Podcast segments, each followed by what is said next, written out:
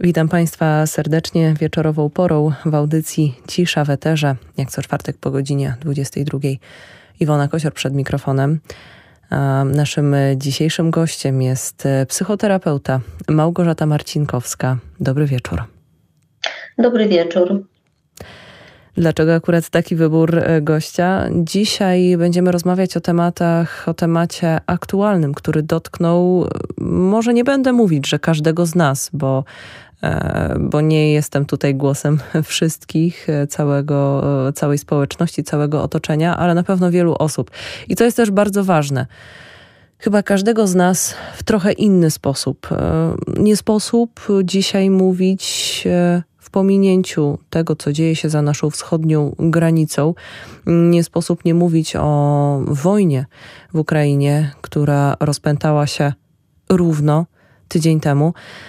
Wojnie, która dotyka nas, ponieważ e, stykamy się z realną możliwością okazania nie tylko solidarności i wyrazu sprzeciwu wobec tego, Mm, wobec decyzji, jakie zapadły na Kremlu, ale też i y, możliwości udzielenia namacalnie pomocy drugiemu człowiekowi, uchodźcom, którzy napływają e, w dalszym ciągu z ogarniętej wojną Ukrainy, uchodźcy, którzy przede wszystkim docierają e, do Polski przez e, polsko-ukraińskie przejścia graniczne, między innymi w naszym województwie. Więc tych osób jest, jest coraz więcej od samego początku, od pierwszego dnia konfliktu. Mm, pomoc w zasadzie zaczęła się wysypywać. Media społecznościowe zmieniły się w jedną wielką tablicę ogłoszeniową i platformę wymiany informacji na temat tego, jak można pomagać. I myślę, że to jest ten aspekt, który dzisiaj chciałabym e, poruszyć, spośród wielu aspektów tej rozmowy, ten pozytywny, od którego e, zaczniemy, mm, bo niestety będą też i, i tematy mm, niezbyt, nie do końca przyjemne, ale myślę, że też warte przedyskutowania w obliczu tego, z czym musimy się borykać. Pierwsza myśl, która przyszła mi do głowy. Mm, wojna w Ukrainie, e, skądinąd bardzo dramatyczna, jednak wyrwała nas e, z pewnego covidowego letargu spowodowanego no, przeciągającą się pandemią koronawirusa mm, i chyba wyrwała nas e, z takiego uśpienia. Czy pani również podziela e, to spostrzeżenie? Powiedziała Pani o tym, że właściwie nas wszystkich dotknęła ta sytuacja, a może nie do końca wszystkich. Ja myślę, że wszystkich, ale naprawdę na różnych poziomach. Najmniej dotknęła nas, chociaż już zaczyna się to zmieniać na poziomie fizycznym.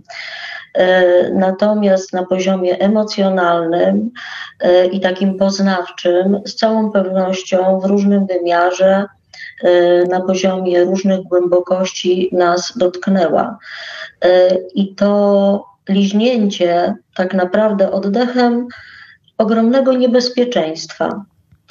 E, no nazwę to wprost, śmierci, czyli najtrudniejszego naszego lęku, z którym my żyjemy właściwie na początku bez świadomości, ale potem już ze świadomością, że to jest coś ostatecznego w naszym życiu, czego jednak nie wybieramy poza bardzo wyjątkowymi sytuacjami, e, nie mogło sprawić ogromnego zamętu w nas.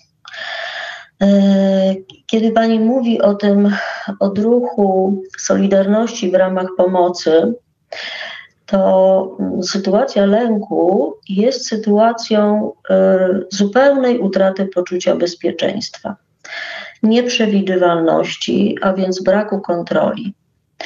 Natomiast tym, czego my bardzo, bardzo w życiu potrzebujemy, to mieć zdrową kontrolę nad naszym życiem.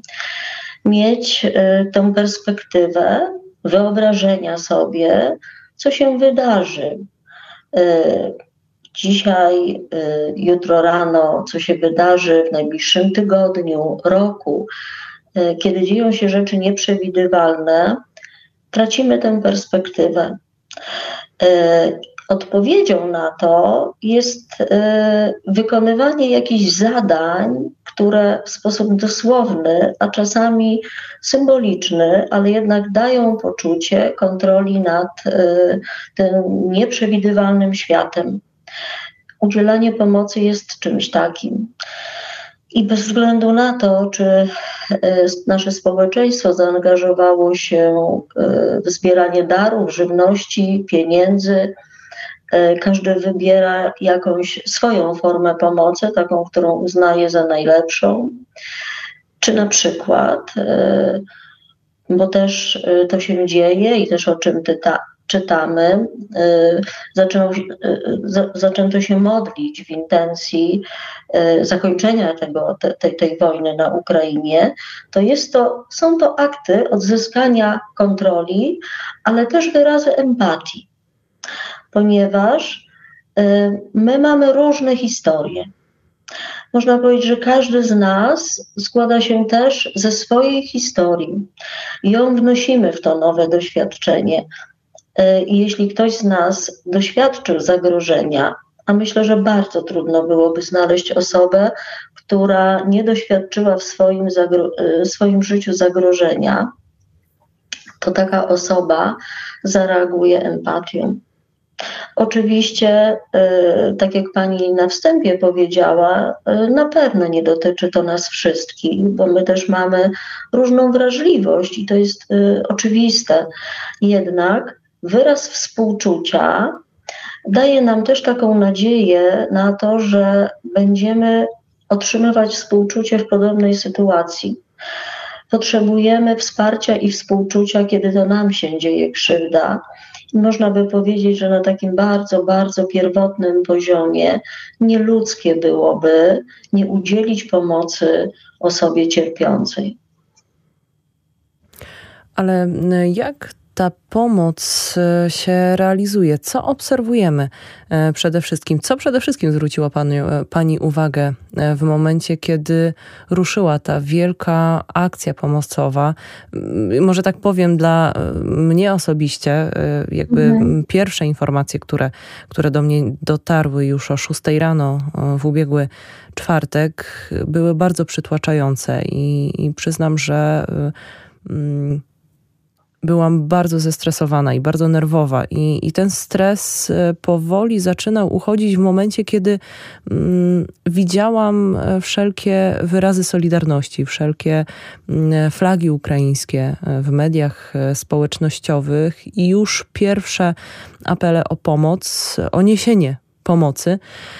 I mnie, dla mnie dużą uwagę, jakby dużą uwagę, hmm, dla mnie duże znaczenie miała właśnie ta masowość, e, masowość tej pomocy i ten ogromny zryw solidarnościowy.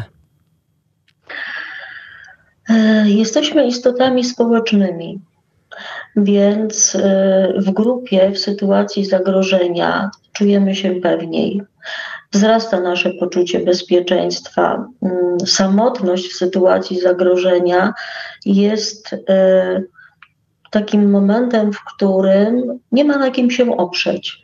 Więc e, niech Pani zwróci uwagę, Państwo zwróćcie uwagę, że kiedy odbywają się jakieś manifestacje, które mają świadczyć o potędze chociażby armii jakiejś, jakiegoś kraju, to są to parady, gdzie zbiera się mnóstwo ludzi i jest tym ogromna siła kiedy kibice chcą wesprzeć swój zespół, e, drużynę swoją, to również zbierają się i również się oflagowują, oznakowują, a więc jest w tym moc.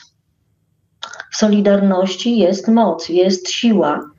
E, I można by powiedzieć, że właściwie daje to takie poczucie, że z tym kłopotem, z tym dramatem, a w sytuacji e, tego, co się dzieje w tej chwili na Ukrainie, e, nie zawaham się użyć słowa, z tą traumą, nie jesteśmy sami. Bardzo tego w takich momentach potrzebujemy i zawsze, kiedy e, nawet w ostatnich latach działo się ogromne nieszczęście, dramat w naszym kraju, Przytoczę chociażby śmierć prezydenta e, Gdańska, pana e, Adamowicza. Tłumy wyległy na ulice polskich miast.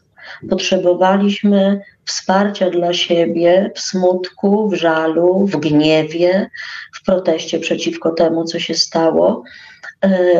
E, ten, to, to zjednoczenie sił w sytuacji pomocy um, walczącej Ukrainie jest też wyrazem nie tylko wsparcia, ale też solidarności z nimi i naszej wewnętrznej solidarności.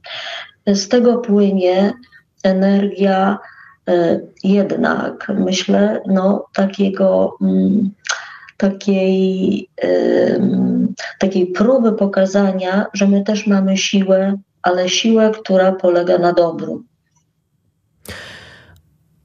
Od początku też zwracam uwagę w tej naszej rozmowie, że hmm, tak, w Solidarności jest e, ogromna siła, zresztą tak jak pani e, przed chwilą e, powiedziała, i w tym ogromie wyrazów wsparcia ukraińskich flag, aktów, aktów pomocy, aktów solidarności, tego poczucia zbiorowości, ale z drugiej strony, jak w tym wszystkim mają odnaleźć się osoby, które mogą poczuć się za bardzo osaczone i obciążone e, pojawiającym się jednak tematem, który no, w tym momencie jakby mówimy o tych, e, o tych jasnych aspektach tego, co dzieje się w tym momencie za naszą wschodnią granicą, czyli, czyli tych e, aktach dobrej woli, ale jednak nie zapominajmy, źródłem tych aktów dobrej woli jest zbrojna napaść na, na sąsiadujący z nami kraj.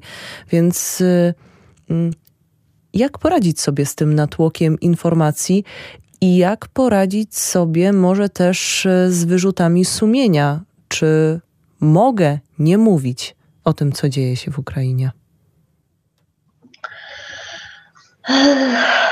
Jesteśmy tak różni wewnętrznie, e, że trudno powiedzieć o tym, że e, przeżywamy w podobny sposób tę sytuację. Mogłabym przytoczyć przykłady z rozmów z osobami, e, które odbyłam na przestrzeni tych kilku dni i rzeczywiście w nich pojawiały się te aspekty, o których Pani mówiła. Czyli na przykład ktoś pytał, czy to będzie w porządku, jeśli zajmę się tylko sobą i nie będziemy rozmawiać o tej sytuacji e, na Ukrainie.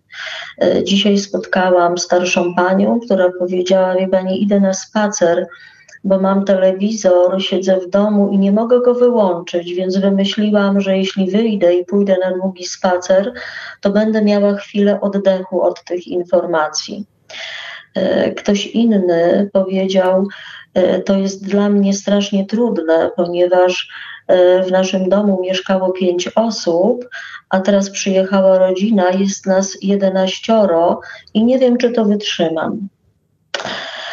E, I rzeczywiście te osoby przeżywają taką osobistą trudność, ale też taką trudność w konfrontacji z reakcjami innych osób. O, jeszcze mm, te, te, ten dzień e, e, ataku na Ukrainie to był dzień, w którym myśmy mieli tłusty czwartek. I spotkałam się z tym, że ktoś stanął w obronie w mediach społecznościowych, w obronie osób, które zajmowały się udostępnianiem postów o pączkach. E, w obronie tych osób, e, ponieważ atakowano je, jak można się czymś tak prozaicznym w tej sytuacji zajmować. Natomiast ja bym powiedziała, że radzimy sobie na różne sposoby. Ja na Pani powiedziała o osaczeniu. Ja sobie bardzo cenię y, taką przestrzeń wolności wokół mnie y, i z wyboru od kilkunastu lat nie mam telewizora. Y, więc w tym wymiarze chronię się nie tylko przed tym, żeby teraz, na ten moment, wybierać informacje albo decydować o tym, kiedy one do mnie docierają, E, ale też nie tylko te. I to jest, ja bym powiedziała, pewna dbałość o swój dobrostan. E, rozmawiałam dzisiaj z kimś, kto powiedział, że nie mogę ciągle nie sprawdzać tego internetu. Nie mam telewizora, ale nie mogę, nie mogę przestać sprawdzać tego internetu. No to jest ogromna, przemożna potrzeba odzyskania odrobiny kontroli nad tą sytuacją. Natomiast y, ocena tego, czy reagujemy adekwatnie, leży poza, y, poza y, no, moimi na pewno możliwościami. Ja nie podjęłabym się takiej oceny, ponieważ nawet wtedy, kiedy spotykamy się z sytuacjami bardzo, bardzo smutnymi, dramatycznymi, e, kiedy w tym samym czasie, e, będąc na przykład na pogrzebie, ktoś przeżywa bezbrzeżny smutek, a ktoś inny czuje ulgę e, z powodu śmierci jakiejś osoby. No i czy moglibyśmy tutaj próbować silić się na jakąś ocenę, próbować to wartościować?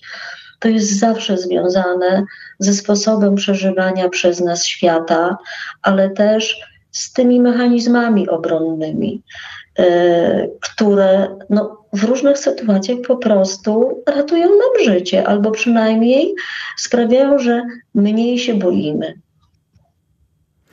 Przypomniała mi się też, e, akurat jak wspomniała Pani o, mm, o tym, że inwazja na Ukrainę miała miejsce w tłusty czwartek, e, pewna, e, pewna anegdota, bardzo krótka, można tak powiedzieć, przypowieść, przypowiastka, która przewinęła mi się też w mediach społecznościowych.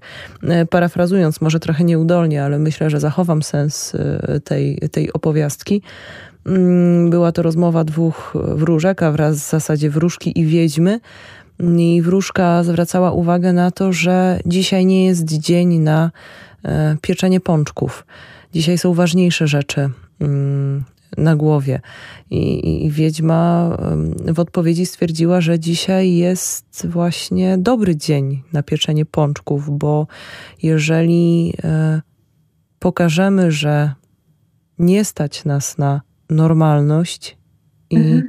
to tym samym pokażemy swoją słabość i tego, że bardzo łatwo można nam odebrać nadzieję i radość e, z tych prostych rzeczy i nadzieję na to, że jeszcze będzie normalnie. E, zgadzam się z Panią e, absolutnie tutaj. Podpisałabym się pod tym, co Pani powiedziała. I to doświadczenie które pandemia zaprowadziła w naszym świecie już dwa lata temu, o ile dobrze pamiętam, czas płynie bardzo szybko, mhm. to tym, co nas ratowało, mnie osobiście również, to nie dać się wytrącić z rytmu dnia. Nie dać się wytrącić z rytmu dnia, czyli nadal zanurzać się w życiu. Bo to, co robi z nami lęk, to on y, sprawia w nas zamęt, sprawia, że przestajemy myśleć racjonalnie i że zaczynamy się izolować. To jest pewnego rodzaju ratunek. No, tak jak, jak zwierzęta chowają się do norek, do jamek, do skorupek, my też mamy tendencję w sytuacji lęku do kulenia się, chowania i przestajemy być w rytmie życia, a on jest życiodajny. Samo życie jest życiodajne. Bycie w rytmie życia jest profilaktyką lęku. E, kiedy zaczynamy żyć, zaczynamy też e, doświadczać przyjemnych rzeczy, czyli zaczynają wytwarzać się w naszym ciele endorfiny, no i mamy tę energię kiedy wycofujemy się z życia, tego fizycznego, tego wokół nas, również zamiera życie w nas. To jest ze sobą absolutnie powiązane. Słuchałam e, na antenie Radia Nowy Świat wypowiedzi pani e, politolożki, która też dokładnie o tym wspomniała, że tym, co działo się w czasie wojny w naszym kraju, ale też w innych krajach, to była próba utrzymania nauki pewnych e, rzeczy, których nie chciano oddać jako wyraz uczestniczenia w życiu. Więc mm, powiedziałabym, że to, co jest życiodajne i sprawdzone, powinno być po prostu praktykowane. Chociaż to jest bardzo trudne, z całą pewnością bardzo trudne, no ale e, e, nawet elementy poczucia humoru, bo też zauważyłam to w mediach, że pojawiają się, nie wiem, karykatury Putina, a czymże innym było rysowanie na ścianach budynków y, bombardowanej Warszawy Hitlera powieszonego na szubienicy, czym były piosenki śpiewane przez warszawiaków. E, no można by było powiedzieć, komu w głowie wtedy było wygłupy. Ale życie ma swoje prawa, czyli trzymanie się życia jest cały czas życiodajne. Trzymanie się życia i zachowywanie też zdrowego dystansu i rozsądku do tego, co się dzieje, ale wokół ale mm, nie można tutaj zapominać, że są osoby, którym ten dystans ze względu czy na stan psychiczny, ze względu na choroby, czy na po prostu wiek i brak dojrzałości emocjonalnej, tego dystansu e, nabrać się w zasadzie nie da. I o tym chciałabym e, też e, porozmawiać. Mhm. O tym chciałabym porozmawiać za chwilę. Mm, teraz chwila wytchnienia przy muzyce dla naszych słuchaczy. A do rozmowy z panią Małgorzatą Marcinkowską powrócimy za chwilę. Iwona Kosior przed mikrofonem. Witam ponownie w audycji Cisza w Eterze. Przypominam, że dzisiaj naszym dzisiejszym gościem jest e, psychoterapeuta Małgorzata Marcinkowska i rozmawiamy sobie mm, o tym, jak e, ogarnąć ogarnąć tę całą sytuację, e, którą, która związana jest z wojną w Ukrainie i z, z, tymi wszystkimi aspektami, które ta wojna, aspektami społecznymi, psychologicznymi, psychicznymi, które ta sytuacja nagle wywołała i w zasadzie z jednej strony, tak jak zaczynałam naszą rozmowę, wyrwała nas e, z letargu dużo pozytywnych emocji, dużo wzruszających momentów e, przez ten ostatni tydzień, dużo aktów solidarności, ale z drugiej strony duże obciążenie dla naszych emocji, dla naszej psychiki.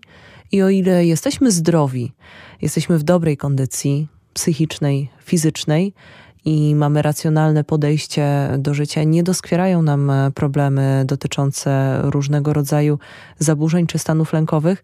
E, poradzenie sobie z tą e, sytuacją może być trudne, możemy czuć się przeciążeni, ale jest nam łatwiej. Jednak warto pamiętać, że wokół nas są też osoby, dla których sytuacja i informacje, z którymi mają przez ostatni tydzień kontakt mogą być śmiertelnym zagrożeniem. Jak ważna jest, e, jak ważna jest e, sytuacja i po położenie osób, które znajdują się w ciężkiej kondycji psychicznej. Jak bardzo taka, ten stan niepokoju, co prawda dotyczący jednak nie naszego kraju, ale kraju obok, może mieć e, poważny wpływ na przykład na regres w leczeniu choroby? Na regres, na pojawienie się albo y, zaostrzenie objawów, bo też tak może być. Kiedy Pani mówi o tych osobach, które potrzebują jakoś szczególnej troski i uwagi, to myślę na przykład o dzieciach które e, tak jak e, dwa lata temu nie znały słowa pandemia, a potem słyszeliśmy, że śpiewały piosenki o koronawirusie. Dzieci, które często były zamykane w domu i niektóre z nich dosłownie nie wychodziły ze swojej posesji domu gdzieś na obrzeżach miasta naprawdę całymi tygodniami, nie kontaktując się z rówieśnikami, ze względu na lęki doświadczane przez rodziców, co zaskutkowało ogromną izolacją, ale też lękiem przed tym, że ta sytuacja się nie skończy. bo jeśli taka izolacja z powodu choroby na przykład trwa kilka dni, to do tej pory było wiadomo, że ta choroba się skończy i wrócę do szkoły, do przedszkola, do moich kolegów, koleżanek na podwórko, a tutaj czekaliśmy i właściwie nie wiedzieliśmy, na co czekamy. I to jest bardzo trudne w tej sytuacji dla nas zdrowych, że my nie wiemy, jak długo ta sytuacja potrwa i co z niej wyniknie. Natomiast dzieci, nie mając, nie mając takiego poczucia czasu, który mamy my dorośli, y, to dla nich może się to wydawać nieskończonością, że to się nigdy nie skończy. Y, czyli będę się stale bać. I z tym lękiem część dzieci y, weszła potem, po okresie zmniejszenia tych restrykcji, weszła w dalszą część życia, zabrała ze sobą ten lęk. Y, I to też są sytuacje, w których katar u dziecka, u niego samego powodował lęk przed tym, czy ja nie choruję na koronawirusa. to już się samo działo, to już były skutki zaszczepienia tego lęku. I tak jak o tej sytuacji należało dzieciom mówić i ją wyjaśniać, ponieważ my dorośli jesteśmy od tego, żeby dzieciom tłumaczyć świat. Ale bardzo trudno wytłumaczyć coś, czego sami nie rozumiemy. Czyli dlaczego jest ta wojna? Dlaczego ten pan chce czegoś od tych ludzi i strzela do nich. Zobacz, niech, niech Pani zwróci uwagę na to, że mamy pewne ograniczenia związane z tym, że dzieci do pewnego wieku nie powinny odwiedzać dorosłych w szpitalu, bywać na oddziałach, że nie wpuszczamy na teren obozu y, koncentracyjnego na Majdanku czy w innym miejscu y, dzieci, z tego co pamiętam, do 13 roku życia że one nie powinny oglądać scen drastycznych w kinie, w telewizji. E, teraz mamy te sceny drastyczne i e, ja osobiście ubolewam mm, bardzo nad tym, że wyobrażam sobie, że część rodziców nie chroni swoich dzieci przed tymi obrazami. Bo dziecko ma dostać informację, ale taką, którą będzie w stanie na swoim poziomie zrozumieć i musi mieć absolutne przekonanie, że dorosły jest tą osobą, przy której może czuć się bezpiecznie. Ponieważ dziecko bardzo mocno, każde dziecko, my też do, dorośli też, ale w troszkę mniejszym stopniu, ze względu na to, że już pewne rzeczy rozumiemy, dzieci bardzo mocno rezonują na emocje dorosłych. Kiedy dorosły się boi, dziecko traci poczucie bezpieczeństwa, wobec czego potrzebujemy dzieciom towarzyszyć ze szczególną uważnością i wrażliwością, żeby nie podawać im informacji, które je przerastają, nie pokazywać obrazów, które nie powinny widzieć, oraz zapewniać dzieci o tym, że w każdej sytuacji będziemy o nie dbać, nigdy nie zostaną same. Potrzebują dzieci takiego zapewnienia, tak jak czasami incydentalnie w sytuacji lęku potrzebują dorosłej osoby, która będzie po prostu przy nich, będzie trzymała za rękę i będzie pewnego rodzaju taką kotwicą y, ze zdrową, silną częścią świata. Druga kategoria osób to są osoby, które na co dzień doświadczają e, świata jako mocno przebodźcowanego, takiego zagrażającego, ponieważ e, jest w nim mnóstwo, mnóstwo sygnałów, które nie mieszczą się w tych osobach. Myślę o wszystkich osobach, które mają zaburzenia ze spektrum autyzmu.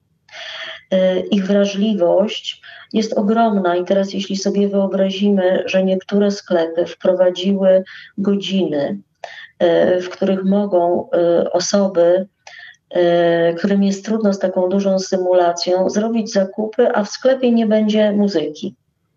E, w Stokrowce, e, nie wiem gdzie robię zakupy, czasami były takie godziny dwie między dziesiątą a dwunastą, to sobie możemy wyobrazić, jak przebodźcowane są teraz te osoby informacjami, e, które, których nie są w stanie pomieścić, bo samo życie jest niepomieszczalne dla tych osób.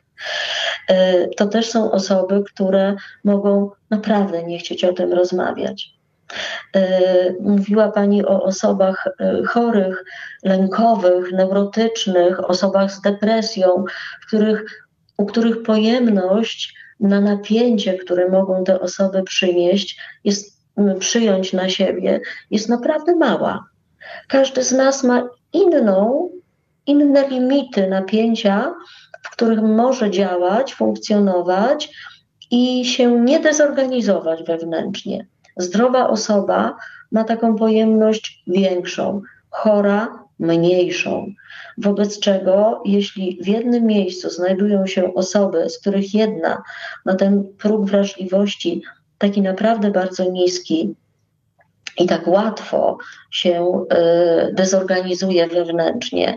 Jest ktoś inny, kto właśnie potrzebuje i tak sobie radzi, właśnie w taki sobie sposób radzi, że potrzebuje dużo o tym mówić, stale o tym mówić, w ten sposób daje upust swoim emocjom, no to mamy takie dwa światy, dwóch różnych osób, właściwie wykluczające się, jeśli chodzi o ten sposób radzenia sobie z emocjami bo jedna osoba potrzebuje je wypowiadać, a druga potrzebuje się wycofać z tego świata. Mamy też y, osoby, które w tej chwili są w szpitalu, y, gdzie y, to wiemy, jeśli ktoś z nas był w szpitalu albo przynajmniej odwiedzał osobę chorą, jest telewizor i stamtąd płyną informacje. Jest radio i stamtąd płyną informacje. E, są telefony, w których jest radio, internet i stamtąd płyną informacje. A to są osoby, które walczą o zdrowie i o życie. To są osoby, które są na oddziałach onkologicznych, osoby po wypadkach, które nie mogą samodzielnie chodzić. No i teraz e, w tej sytuacji zagrożenie, że oto może stać się coś takiego, że będę jeszcze bardziej bezradny, że będę potrzebować jeszcze bardziej pomocy, a ja już sobie nie radzę z moją bezradnością. Ja już sobie nie radzę z moim lękiem o siebie i teraz nakłada się na to lęk o nas wszystkich. Czy wrócę, kiedy wyjdę z tego szpitala, czy ja wrócę do normalnego świata? Czy to ciągle jeszcze będzie świat, w którym będę się mogła, czy mógł, czy mogło czuć bezpiecznie? Zanim y, zauważyłam jakieś społeczne poruszenie, to zobaczyłam kolejki na stacjach benzynowych. Mhm. I tutaj pomyślałam, no cóż, no w tym czasie, kiedy ogromna grupa społeczeństwa myśli o innych, pozwolę sobie na podzielenie się tym moim wrażeniem. Nie chciałabym, żeby to zabrzmiało jako cena, ale po, byłam z takim wrażeniem, że w tych kolejkach stoją osoby, które głównie myślą o sobie w tym momencie, że tak radzą sobie ze swoim lękiem. I mogło to wyglądać bardzo egoistycznie. I od razu wylał się hejt, przez was będziemy mieli drogą benzynę. No ale ja też sobie wyobrażam z moją wiedzą o funkcjonowaniu człowieka, że to ustawienie się w kolejce po benzynę na stacji benzynowej na ten moment było tym aktem poradzenia sobie. On racjonalnie wydaje się nam, mnie, bez sensu, bo na ileż tej benzyny y, wystarczy, prawda? No, jak jej nie będzie, o czym myślę, że, że, że mam nadzieję, że to jednak się nie wydarzy. No, pozostaje z taką nadzieją cały czas, no to, no to nie będziemy tej benzyny mieli, ale też wiemy, co się za chwileczkę zaraz mm, za tym y, może zrodzić. Y, kiedy nie było alkoholu, no to był bimber. Kiedy nie było papierosów, byli przemytnicy. kiedy nie było innych rzeczy, których potrzebowaliśmy, zaraz rodził się jakiś rynek radzenia sobie w inny sposób w tych sytuacjach. Więc można by powiedzieć, że właściwie na tylu płaszczyznach powstał chaos i tyle pojedynczych, bardzo niebezpiecznych sytuacji się pojawiło. Przede wszystkim właśnie to, myślę, czy świat, którym będziemy za chwilę żyć, to będzie ten świat, który znamy. I y, pamiętam y, takie, y, nawet chyba to, to, był jakiś krótki wywiad y, dla radia y, jednego, jednej ze stacji lubelskich, kiedy ktoś zapytał, i to pytanie się pojawiało, zapytał mnie, jak pandemia nas zmieni. Ja pomyślałam, że ona na głębokim poziomie nas nie zmieni. Bo wydawać by się mogło, że będziemy, nie wiem, bardziej dbać o zdrowie. E, nie wiem, czy są jakieś badania na ten temat, e, czy my rzeczywiście bardziej teraz o swoje zdrowie dbamy. Trudno powiedzieć, że będziemy bardziej dbać o przyrodę, bardziej ją szanować, bardziej ją doceniać. Nie widzę mniejszej ilości śmieci.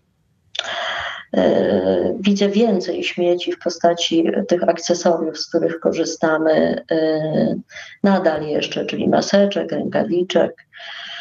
E, no i można by powiedzieć, cóż to doświadczenie sprawiło. Mm, no, ja też liczyłam, że może się mylę, będę się, może będę się myliła, ale, ale ono zmieniło wiele E, w życiu pojedynczych osób. I jakoś tak myślę o tym, że każda zmiana zaczyna się naprawdę od pojedynczej osoby. Że naprawdę granica między dobrem a złem przebiega przez nasze serce, i tutaj się odbywa decyzja, w co się angażuje, z czego rezygnuje. Jak ja rozumiem to dobro rzeczywiście. I kiedy pani pyta, czy można pomagać w sposób taki y, nieracjonalny, szkodzący? No oczywiście, że można, bo chociażby mhm. okazuje się, że już niektórych rzeczy w ogóle nie potrzeba. Że, że dezinformacja, dezinformacja, y, czy chaos informacyjny, czy zalew informacji y, powodował, spowodował chaos w nas. No właśnie, do tej kwestii jeszcze chciałabym e, powrócić i, i omówimy ją sobie szerzej, jeśli chodzi o kwestię e, pomocy i tego, jak zareagowaliśmy na pomoc i czy ta pomoc zawsze, może trochę to zabrzmi yy, niedorzecznie, ale czy zawsze jest dobra w skutkach. Na to, na te zagadnienie jeszcze poświęcimy czas, ale to, o co chciałabym teraz jeszcze E, dopytać, jeszcze pozostając w temacie osób, które mogły poczuć się bardziej niż inne osamotnione i bezradne wobec e, natłoku tych negatywnych informacji i w niezrozumieniu tego, co się dzieje.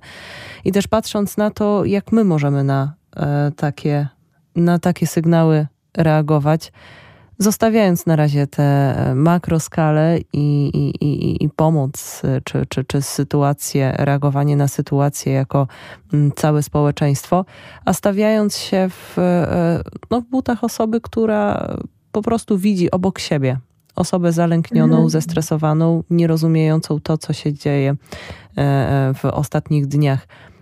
Jak możemy my tej jednej osobie udzielić wsparcia? Od czego można zacząć? Mhm. E, po pierwsze, możemy spróbować pomyśleć o tym, że to, co ona robi, to jest właśnie na ten moment jej sposób widzenia tej sytuacji. Że ona prawdopodobnie nie potrafi inaczej patrzeć na tę sytuację. Czyli możemy przyjąć, że y, to nie jest nienormalne, tylko że ta osoba zwyczajnie inaczej nie potrafi. Y, spotykałam się z ocenami, które bardzo boleśnie brzmiały, kiedy je słyszałam, widząc na przykład e, jeszcze w okresie pandemii, bo nam się te dwa czasy jakoś spotkały, nałożyły na siebie, kiedy widziałam osobę, e, która jedzie samochodem i ma maseczkę założoną, jedzie sama. i słyszę komentarz osoby, która idzie obok mnie i mówi do, do, do swojego towarzysza tej drogi: No, zobacz, jaki idiota. A ja pomyślałam, to nie jest idiota, to jest po prostu człowiek, który jest przerażony. Albo, przepraszam za tutaj wtrącenie, mhm. albo e, ktoś taki, e, kim byłam też ja nieraz na początku tej mhm. pandemii, osobą, która wyszła ze sklepu z maseczką na twarzy, mhm. wsiadła do samochodu i dopiero w trakcie jazdy zorientowała się, że będąc sama w samochodzie ma tę maseczkę na twarzy. Na przykład. Albo też, e, kiedy widziałam w upalny dzień e, osobę, która szła w maseczce sama, e, ja oceniłam ją po wyglądzie jako wyniszczoną chorobą, a więc właśnie z obniżoną odpornością. Natomiast spojrzenia, które były kierowane, to była akurat kobieta, pod adresem, adresem tej pani, wyrażały drwinę. E, a być może odporność tej osoby była w tamtym momencie tak maleńka, że każda bakteria mogłaby jej zaszkodzić, niekoniecznie koronawirus. E, z perspektywy człowieka, który jest zdrowy i funkcjonuje w ramach pewnej normy, zachowania inne wydają się głupie e, i najchętniej część, część z nas uczyłaby tych ludzi, a oni najbardziej potrzebują zrozumienia. E, czyli można by powiedzieć, jeśli, jeśli e, widzę e, kogoś, kto się bardzo boi, powiem, widzę, że pani się bardzo boi, no słyszę to, że się pani bardzo boi, no to y, daję tej osobie wsparcie w postaci zrozumienia daje dziecku wsparcie w postaci zrozumienia, kiedy mówię, no nie rozumiesz tego, a mnie jest to tak trudno tobie wytłumaczyć. Dla mnie to też jest trudne wytłumaczyć ci to. I też się boję w tej sytuacji, ale wyobrażam, że ty się boisz bardziej, bo jesteś malutki, tak? I nie wiesz, co robić. Dając zrozumienie, tak naprawdę dajemy wszystko, co możemy dać w takim momencie. Natomiast um, takie ocenianie siebie, czy nie dałam za mało, czy mogłam zrobić coś więcej. Ja mam taki, w, mo w moim świecie mam taki pogląd, jakoś on mi się potwierdza też w relacjach z ludźmi, że e, kiedy osoba mówi, kurczę, ja mogłam się wtedy zupełnie inaczej zachować. I to zdanie jest wypowiadane po tygodniu, czy po miesiącu, czy czasami nawet jeszcze dłużej, to ja wtedy jestem absolutnie przekonana, że w tym momencie ta osoba nie mogła tego zrobić. Właśnie zrobiła to, na co ją było stać, czyli wszystko. Że czasami to mało, które z perspektywy upływu czasu, czy to coś nieudolnego, nieporadnego, mogłam inaczej to powiedzieć, mogłam inaczej zareagować. Ja mm, jestem przekonana, że, że w tamtym momencie właśnie ta osoba nie mogła. E, teraz, nauczona doświadczeniem, pewnie mogłaby, ale czasami nawet to mało oznacza właściwie wszystko, co mogę zrobić. Wobec czego dla kogoś dużo jest wszystkim, co mógł zrobić, a dla kogoś innego to jego mało, z powodu którego jakoś mm, czuje się mm, źle, e, zawstydzony, e, no to jest właśnie wszystko, na co mnie stać przypomina mi się ewangeliczny wdowi grosz. Y, a kiedy pani pytała o to, jak sobie możemy radzić, to naprawdę potrzeba selekcjonować informacje i obrazy, ponieważ to, co nasz mózg dostaje do przetworzenia, nie znika. On musi to przetworzyć i nie jest aż tak mądry, żeby dokonywać selekcji w trakcie, kiedy y, dostaje informację, obraz, słowo, a nawet naszą myśl ponieważ nasza myśl też jest czymś zapładniającym nasz układ nerwowy do reagowania, wobec czego karmienie się nadmierną ilością obrazów, informacji, myśli jest stałym pobudzaniem układu nerwowego do pracy. I to, co e, zaobserwowałam wśród moich znajomych, sąsiadów, osób bliskich, e, to e, są problemy ze snem czyli napięty układ nerwowy nie rozluźnia się i to jest taki pierwszy sygnał. Mam problem z zaśnięciem, mam problem z tym, że się budzę w nocy, mam problem z tym, że się budzę niepotrzebnie rano. To już świadczy o przestymulowaniu układu nerwowego. To są bardzo poważne e, objawy i myślę, że zwłaszcza jeżeli e, obserwujemy je u siebie, to warto skonfrontować to z kimś w rozmowie z kimś. Nawet nie mhm. mówię tutaj o kwestii e, od razu pomocy specjalistycznej, ale na początek poszukajmy życzliwej osoby, która, która pomoże nam odwrócić uwagę od tych obrazów, od tych bodźców, o których pani mhm. wspomniała, a jeśli sami widzimy, że to ma negatywny skutek, a sami samym nam udało się to przezwyciężyć, to może poszukajmy wokół siebie osób, którym warto tę wiedzę przekazać i takie wsparcie właśnie drobne wydawać by się mogło, ale jednak duże w tej większej skali albo w dłuższym e, w dłuższej perspektywie okazać. Mm, tutaj w tym momencie musimy zrobić na chwilę, na dłuższą chwilę przerwę w naszej rozmowie, ponieważ e, już dochodzi godzina 23, pora na serwis informacyjny na naszej antenie. Ale do rozmowy z psychoterapeutką Małgorzatą Marcinkowską powrócimy po godzinie 23 w audycji Cisza w Eterze. Witamy Ponownie w audycji Cisza w Eterze po godzinie 23. Mm, przed nami druga godzina dzisiejszej audycji której e, gościem jest e, psychoterapeutka Małgorzata Marcinkowska.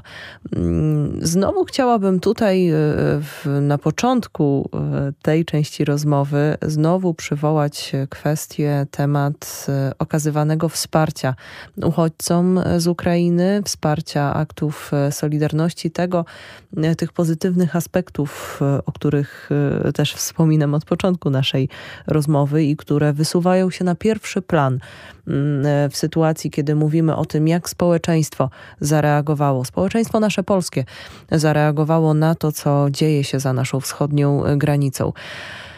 I w tym momencie, po tym bardzo pozytywnym, e, ocieplającym serce wstępie, chciałabym jednak zasiać trochę ziarna niepewności, może trochę defetyzmu. Jeśli tak, to przepraszam, ale mm, czy każda motywacja do pomagania jest dobra i czy e, pomaganie w efekcie może przypadkiem prowadzić do mm, negatywnych skutków, na przykład w postaci tego czegoś, z czym się sama spotkałam, e, wpędzania kogoś w kompleksy, że pomaga nie tak jak trzeba?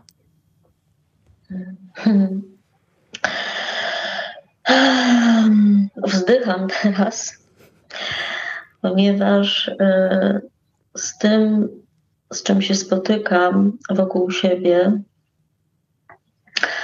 na różnych polach, w różnych przestrzeniach naszego życia, to jest łatwość wydawania osądów, łatwość oceniania cudzych zachowań, e, łatwość szufladkowania, e, ale też takiego mm, przydawania sobie e, większej wartości ze względu na to, że oto robię coś dobrego.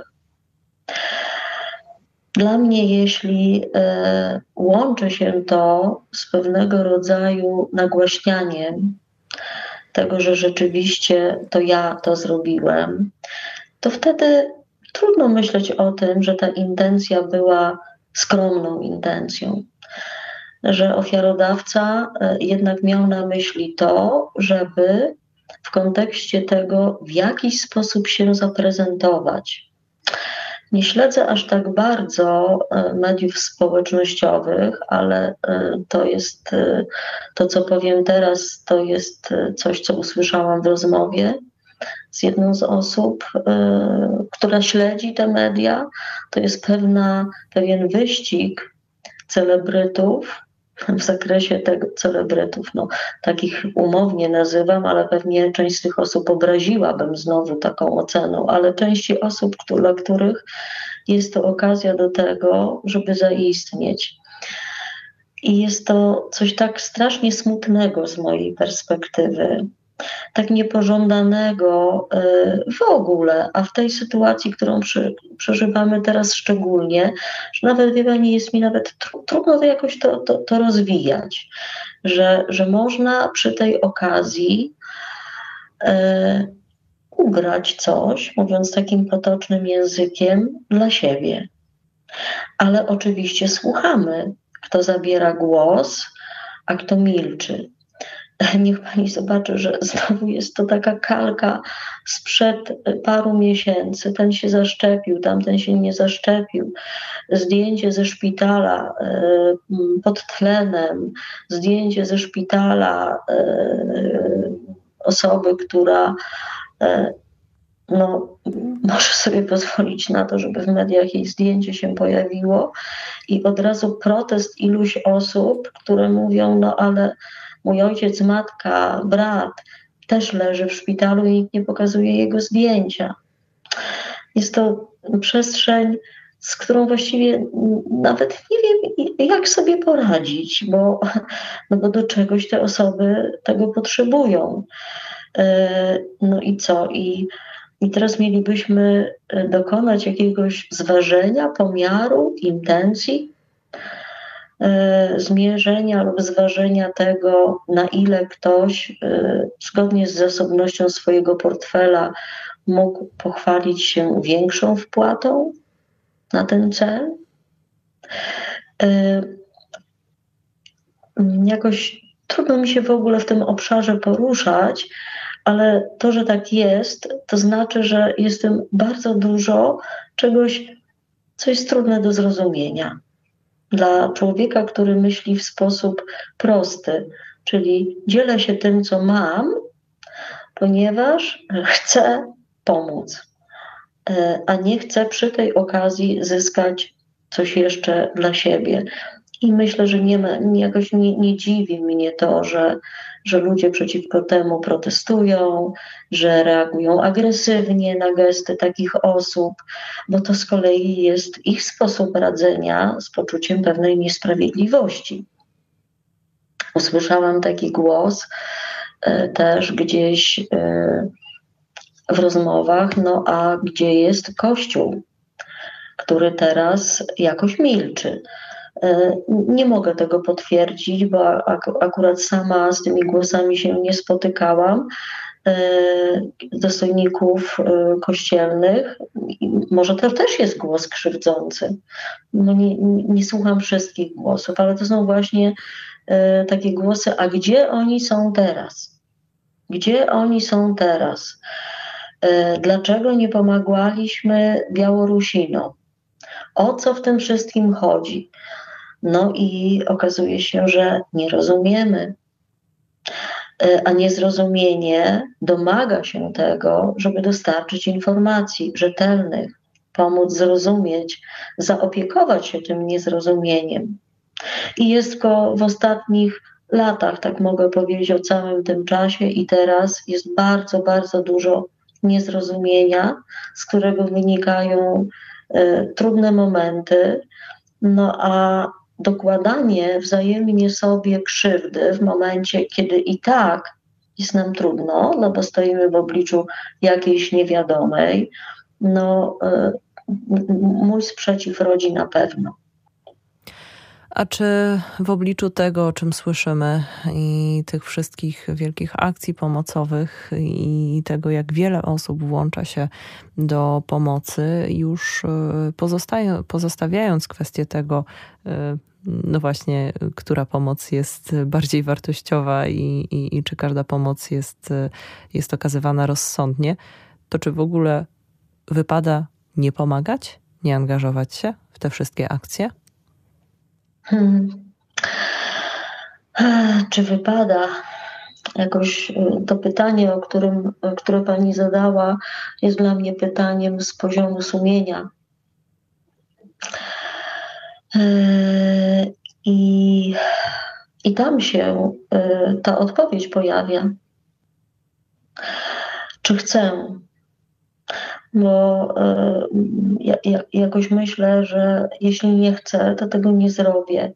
Mogę mieć ku temu jakieś powody, natomiast jestem teraz taką myślą, czy powinnam, czy chcę. Jakoś dla mnie bardziej odpowiedź na to, czy powinnam, czy chcę, rozgrywa się wewnątrz, a nie na zewnątrz. Wie pani, to, to jest taki, taki bardzo delikatna przestrzeń, kiedy, nie wiem, ktoś nie chce spotykać się z osobą, y, która bardzo tego pragnie. E, e, no i teraz, czy powinien się z nią jednak spotkać i na przykład porozmawiać o trudnej, dzielącej ich kwestii, jakiejś spornej, e, związanej z krzywdą, czy powinien to zrobić? I kogo mielibyśmy o to zapytać właściwie? Bo osobą, która zna odpowiedź na pytanie, czy powinnam, czy chcę, jest ten ktoś, kto tę sytuację przeżywa w swoim sercu. I tylko tam tę odpowiedź możemy znaleźć. Cały czas myślę sobie o e, też formach e, pomocy, które zostały, są oferowane od e, tygodnia. Pomocy osobom z Ukrainy, uchodźcom, którzy przekraczają naszą granicę. Tych form pomocy jest bardzo dużo. I z, w zasadzie to też na co zwracamy uwagę, może trochę studząc zapał, mam nadzieję, że jednak tak, tak tego Państwo nie odbierają, ale bardziej zwracając na zdrowy rozsądek. To jest jakby też taki mój e, cel. Mm, jakie mhm. są te środki e, pomocy i, i, i jak do tego podchodzić? To Przykuwa też moją uwagę mm, kwestia darmowej pomocy psychologicznej dla e, uchodźców, której to ogłoszeń, ofert jest bardzo dużo w ostatnich dniach, co jest oczywiście bardzo szlachetnym pomysłem bardzo e, dobrym, bo no, osoby, które w jednym po prostu jednego ranka budzą się od e, wybuchu bomb i od e, alarm syren bombowych, muszą zostawić to, co mają, spakować się, wyjechać za granicę, jeżeli taką decyzję podejmują o ucieczce, nie wiedząc, kiedy do tego domu będą mogły, mogły wrócić i nie wiedząc, czy po powrocie zastaną ten dom, czy nie zastaną gruzowiska na miejscu, gdzie stał ich dom, i to jest niewyobrażalna, niewyobrażalna trauma, stres i, i szereg różnych e, problemów e, psychologicznych, e, z którymi także te osoby muszą się uporać, więc naturalnym jest też myślenie o tym wsparciu psychologicznym. Ale czy w ten sposób może dochodzić też do, do przypadków, kiedy narazimy jednak na krzywdę osobie, której chcemy pomóc, na przykład wysyłając ją do niezweryfikowanego specjalisty, bo tak jak mówiłam, tych ogłoszeń dotyczących pomocy psychologicznej jest bardzo dużo. Ale czy ta pomoc jest adekwatna? Czy w ogóle e, powinnam w coś takiego wątpić? Myślę, że y, na szczęście, jeśli coś takiego się dzieje, może chcę tak myśleć, y, to są to przypadki odosobnione, że chciałabym jakoś ufać, że ta pomoc, y, która jest oferowana, jest rzeczywiście pomocą specjalistyczną, ponieważ mamy tutaj do czynienia z sytuacją traumy. I wtedy, kiedy y, w naszym kraju działy się rzeczy straszne, związane właśnie z utratą domu, chociażby w sytuacji powodzi, to do powodzian jechali ludzie specjalnie przeszkoleni w ramach udzielania e, pomocy w interwencji kryzysowej. Nie ma potężniejszego kryzysu niż lęk o życie i utrata swojego miejsca, swojego domu. E, też mm, towarzyszenie osobom, które w tej traumie są, ona też ma swoje fazy, więc ta faza rozpaczy, dezorientacji, e, kompletnej nieracjonalności jest naturalną w tej sytuacji i to, czego potrzebują ci ludzie, to, to urealnienia, czyli kogoś, kto będzie przytomnie reagował w tej sytuacji. E, no, mam nadzieję, że oferowana pomoc jest pomocą specjalistyczną, ale nawet w codziennej rzeczywistości spotykam się z tym, że ktoś udający się po pomoc do gabinetu nie sprawdza nawet kwalifikacji osoby, y, której powierza siebie, powierza swoją historię, powierza swój kłopot, no a tak naprawdę też siebie samego y, w tej sytuacji y, zaufania, ponieważ w kryzysie jest tak, że ta relacja terapeuty czy osoby pomagającej i tej przyjmującej pomoc jest tak ogromnie nierówna, jest tak ogromnie niesymetryczna. Osoba prosząca o pomoc, zwracająca się o pomoc jest y, tak bardzo zależna w tym momencie y, od tego, jak zareaguje ten ktoś, kto przy tej osobie jest. Y, druga bariera, która wydaje mi się no, oczywistą w tej sytuacji, to jest bariera językowa. Y, trudno mi powiedzieć, czy my na przykład tutaj na Lubelszczyźnie mamy terapeutów mówiących w tym języku. Być może w grę wchodzi też język angielski, ale zawsze będzie to trudne, bo mówimy o tej najdelikatniejszej przestrzeni, y, o przestrzeni emocjonalno-duchowej. Y, jeśli pracuję, y, bo oczywiście kontakt na żywo uważam w psychoterapii za bezcenny, ale czasami jest on niemożliwy i pracuję mm, na Skype'ie z osobami które mieszkają za granicą, z Polakami pracującymi za granicą, no to oni nie wybierają terape terapeuty anglojęzycznego ze względu na to, że mają poczucie, że zrozumie je tylko ktoś, je czy ich, tylko ktoś, kto mówi w ich języku i jest w stanie te znaczenia odkodować. Bo to, czego najbardziej potrzebujemy w tym momencie, tego potrzebują osoby w kryzysie, to jest ktoś, kto pomieści ich emocje i je odzwierciedli, żeby ta osoba czuła się usłyszana i przyjęta e, z tym, co ona wnosi, bez względu na to, jak ogromny rozmiar bólu, cierpienia, krzywdy, czasem pustki, bezradności ona przynosi nam. E, my mamy do tego e, empatię, możemy mieć do tego empatię i wyobrażenie tej sytuacji, no bo tylko ktoś, kto utracił wszystko, może dokładnie wiedzieć, co to jest. I powiedzenie wiem, co czujesz, będzie zawsze nadmiarowe. Powiedzenie, e, wiesz, to wszystko minie. Dla kogoś, kogo ból obejmuje od stóp do głów, powiedzenie wiesz, to minie, jest tak naprawdę nieprawdą, bo prawda, w której ta osoba jest, jest morzem cierpienia.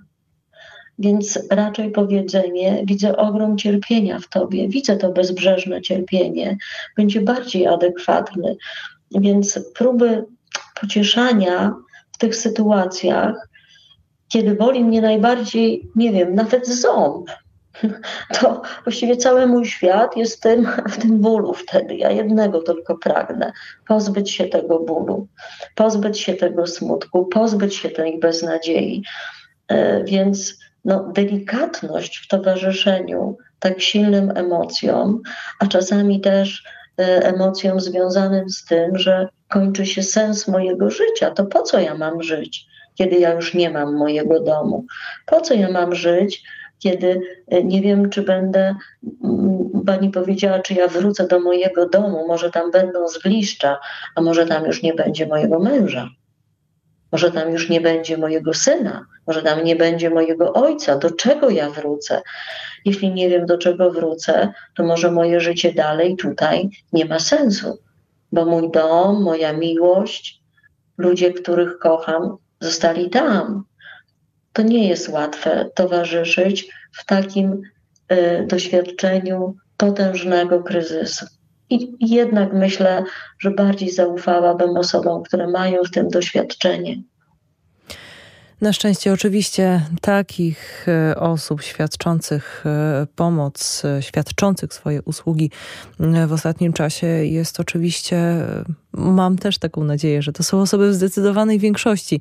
I, i też tutaj z miejsca chciałabym wytłumaczyć, nie chciałabym, żeby zrozumieli mnie Państwo źle, nie neguję sensu pomocy psychologicznej, terapeutycznej świadczonej osobom w w kryzysie uchodźczym, tym, które, które mierzą się teraz e, z tym problemem.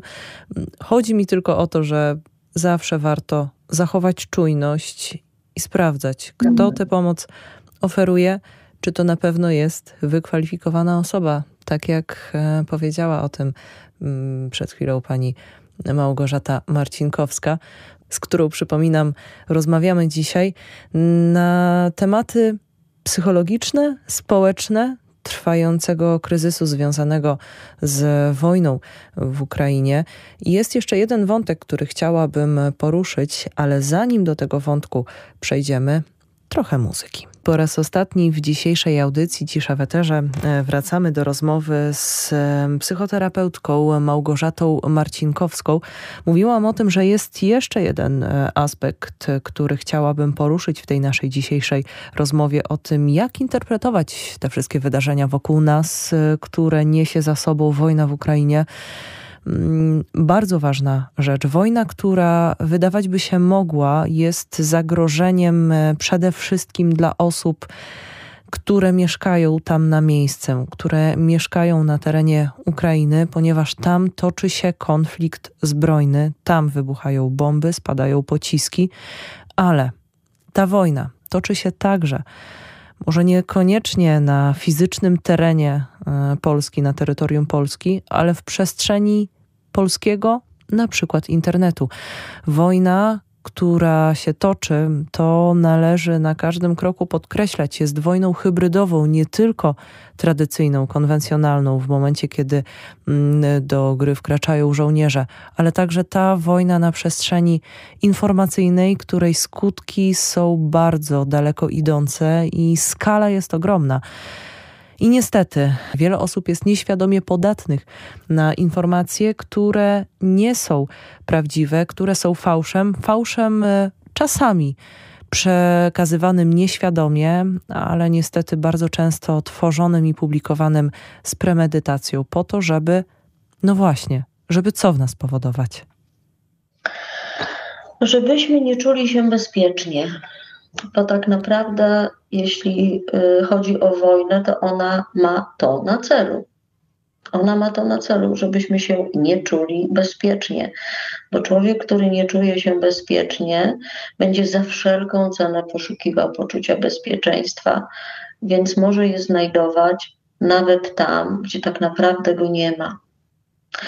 E, kiedy, nie wiem, zgubi się dziecko, to ono tak bardzo chcę odnaleźć mamę, tak bardzo chcę do niej wrócić i znowu poczuć się bezpiecznie, że jeśli poda mu rękę pan i powie, wiesz, jak to zgubiłeś się, to ja cię zaprowadzę do mamy. No i to dziecko poda rękę, bo ono najbardziej na świecie chce do mamy, czyli chce znowu poczuć się bezpiecznie. Ta dezinformacja, która ma miejsce, ma wprowadzać chaos w nas.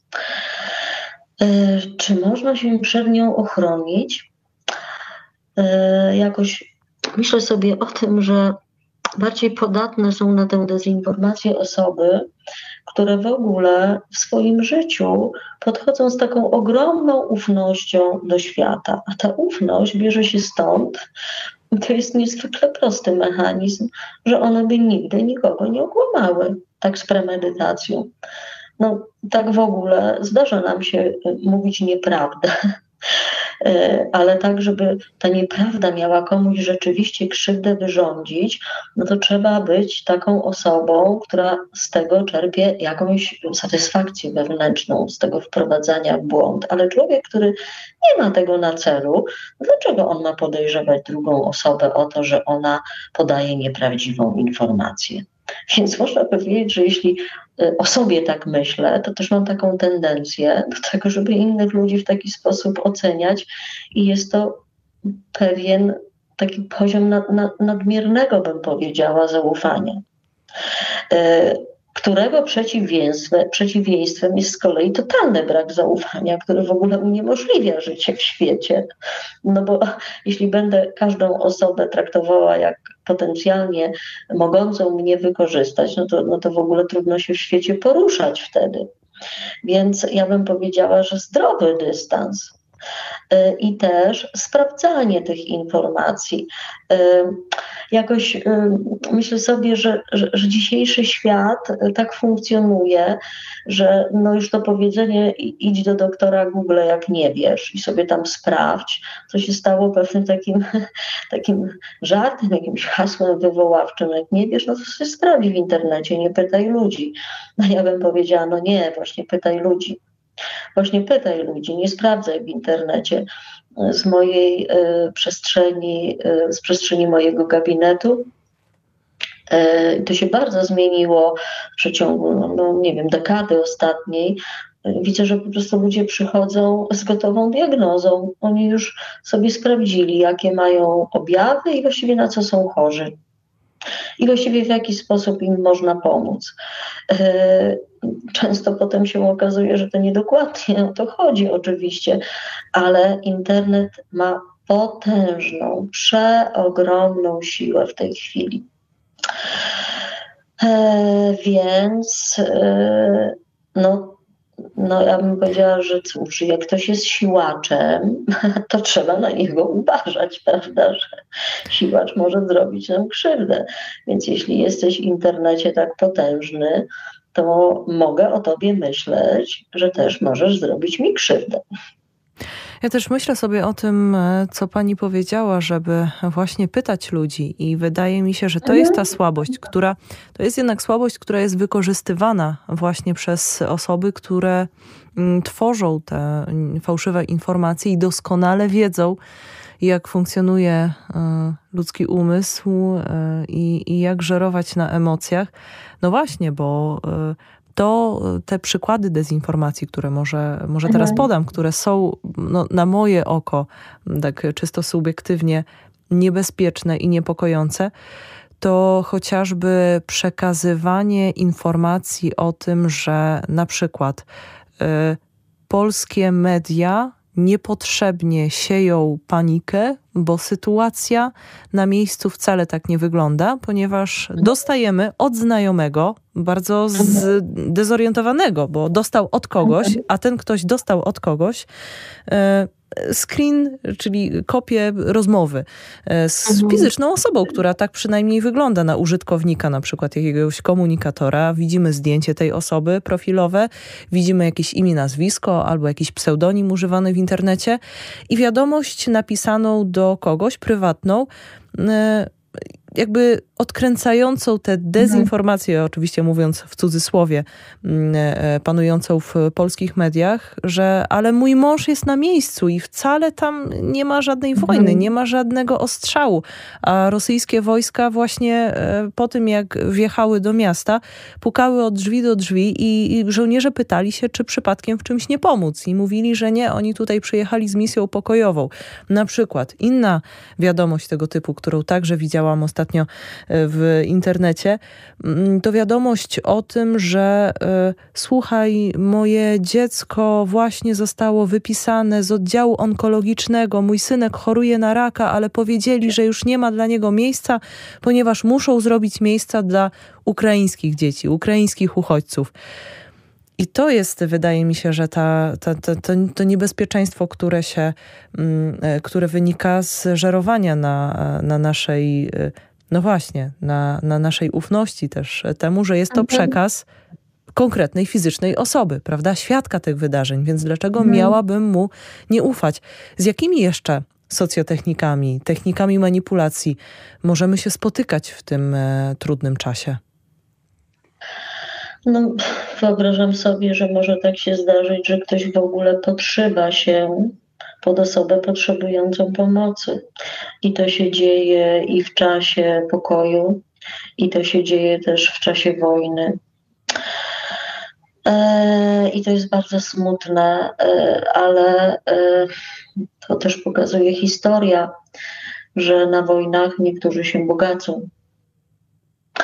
Co brzmi po prostu tak dramatycznie, no ale, ale to jest prawda. I nie jesteśmy w stanie do końca rozpoznać, e, czy rzeczywiście ta osoba potrzebująca pomocy to jest właśnie ta osoba, czy to jest ktoś zupełnie inny, e, komu wyślemy pieniądze, na przykład. Wydaje się, że trzymanie się sprawdzonych źródeł informacji, tylko pytanie, co to jest teraz sprawdzone źródło informacji? No ja bym powiedziała, że ich szukam tam, gdzie ich zawsze szukałam, czyli tam, gdzie już zdobyłam zaufanie mhm. i tam, gdzie, gdzie się nie rozczarowałam przez długi czas, e, to tam tych informacji szukam, a omijam jakieś miejsca informacji zupełnie nieznane, czy tego typu posty, ale też. Yy, no e, jakoś myślę, że część osób zupełnie nieświadomie tę dezinformację wprowadza, właśnie udostępniając e, w prywatnych komunikatorach pewne rzeczy. E, ponieważ z mojej perspektywy wygląda to tak, że dorosła osoba, jeśli potrzebuje informacji, to jej poszuka i zapychanie cudzych skrzynek jakimiś y, przesyłanymi informacjami może powodować wręcz złość. I w, tych, w tej sytuacji to ja bym tej złości zaufała, że jednak y, czasami coś nas na takim mm, nie do końca świadomym poziomie y, informuje o tym, że to, że, to, że, to, że to jest jakieś podejrzane, że to jest jakieś takie, takie dziwne, że to jakoś jest trochę jakby z innego świata, nie z mojego świata. E, I tutaj to jakoś ufałabym temu jednak, że jeśli to nie jest z mojego świata, to ja to omijam. Po prostu to omijam. E, wie pani, no, no to, to, to jest też taka kategoria, z którą się spotykamy w świecie e, w czasie pokoju, czyli ci, którzy wyciągają rękę po pieniądze na coś. No i, no i, i decyzja o tym, czy ja daję te dwa złote, czy ja ich jednak nie daję, bo rozumiem, co może za tym stać, e, też mnie uspokaja, kiedy rozumiem. Więc wydaje mi się, że jakąś ochroną przed całą tą dezinformacją i przed tym tak naprawdę wykorzystywaniem czasem nas ludzi w tej sytuacji jest poszerzanie swojej świadomości w tym względzie. Czyli szukanie zrozumienia pewnych procesów. E, czy od tak dawna nie miałam e, kontaktu ze szkołą, że trudno mi powiedzieć, czy czy jest edukacja społeczeństwa w tym względzie? Bo e, jeśli miałabym gdzieś szukać pomocy, to właśnie w edukowaniu nas w tym, jak się w tym świecie internetowym poruszać. E, bo ciągle, nie tylko w dzisiejszym czasie, bardzo dużo jest nadużyć.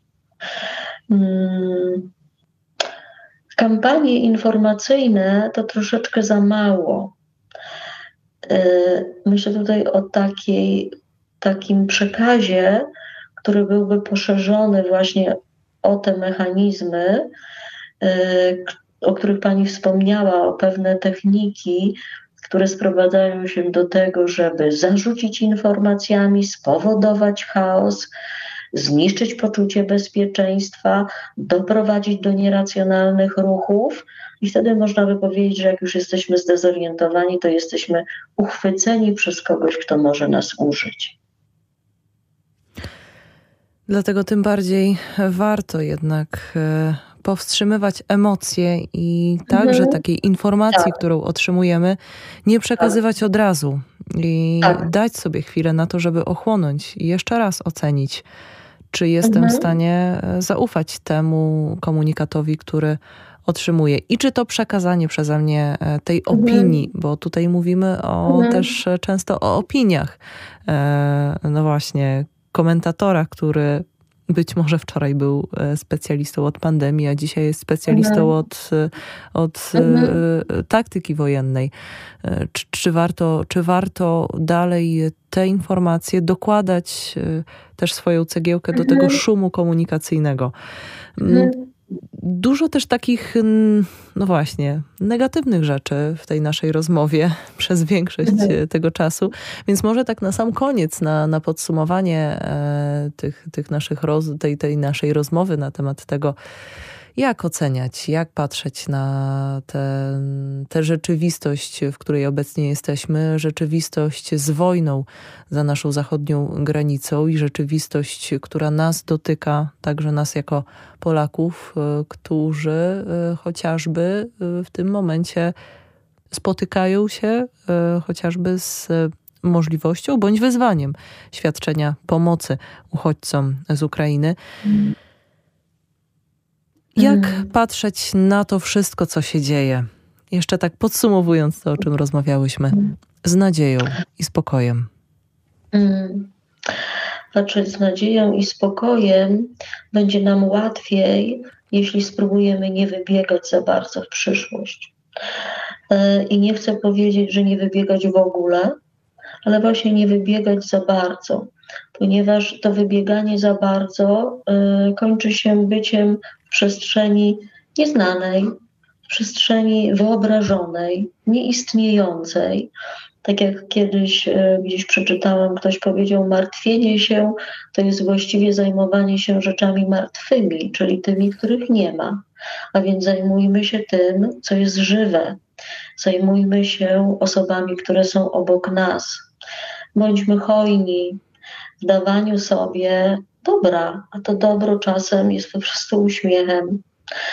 Czasami to dobro jest e, wymienieniem kilku zdań z kimś, kto mieszka e, i na przykład mieszka sam, więc możemy z nim chwilę porozmawiać o tym, co się dzieje też, ale nie tylko, nie, nie, niekoniecznie wymieniać dalej te informacje, które dotyczą wojny, bo do nich e, wszyscy mamy dostęp i możemy sięgać ta, takie zalecenie e, e, mistrzów duchowości, bądźmy teraz. Teraz i tutaj, bo teraz i tutaj na tę chwilę, której doświadczam, mam wpływ.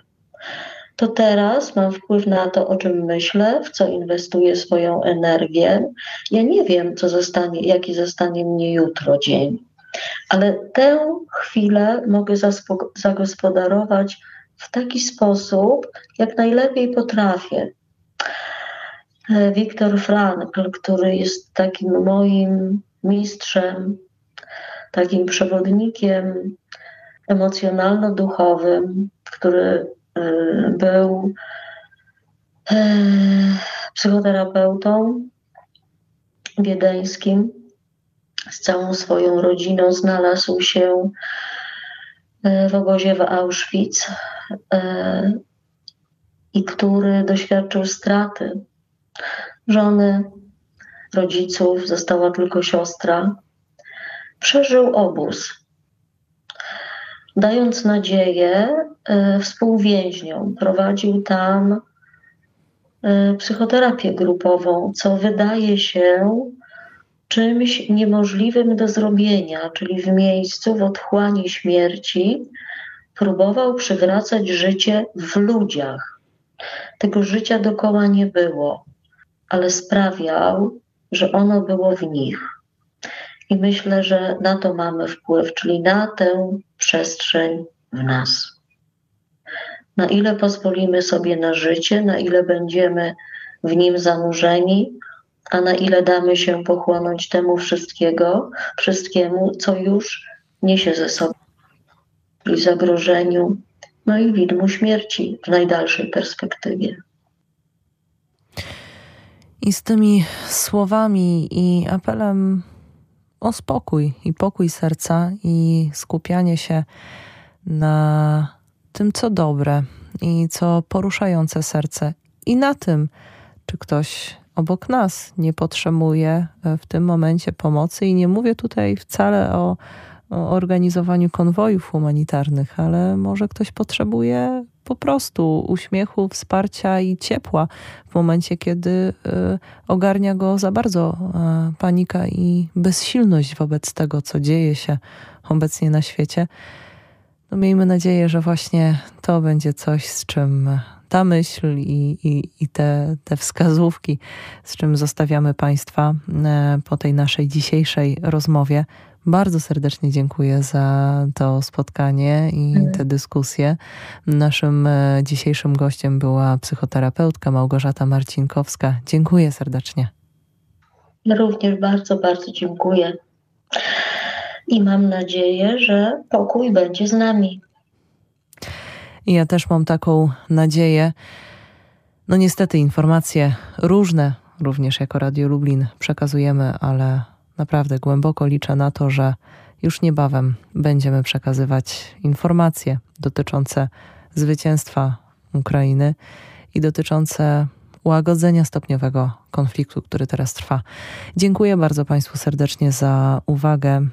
Przed mikrofonem Iwona Kosior. Życzę Państwu dobrej nocy i do usłyszenia za tydzień.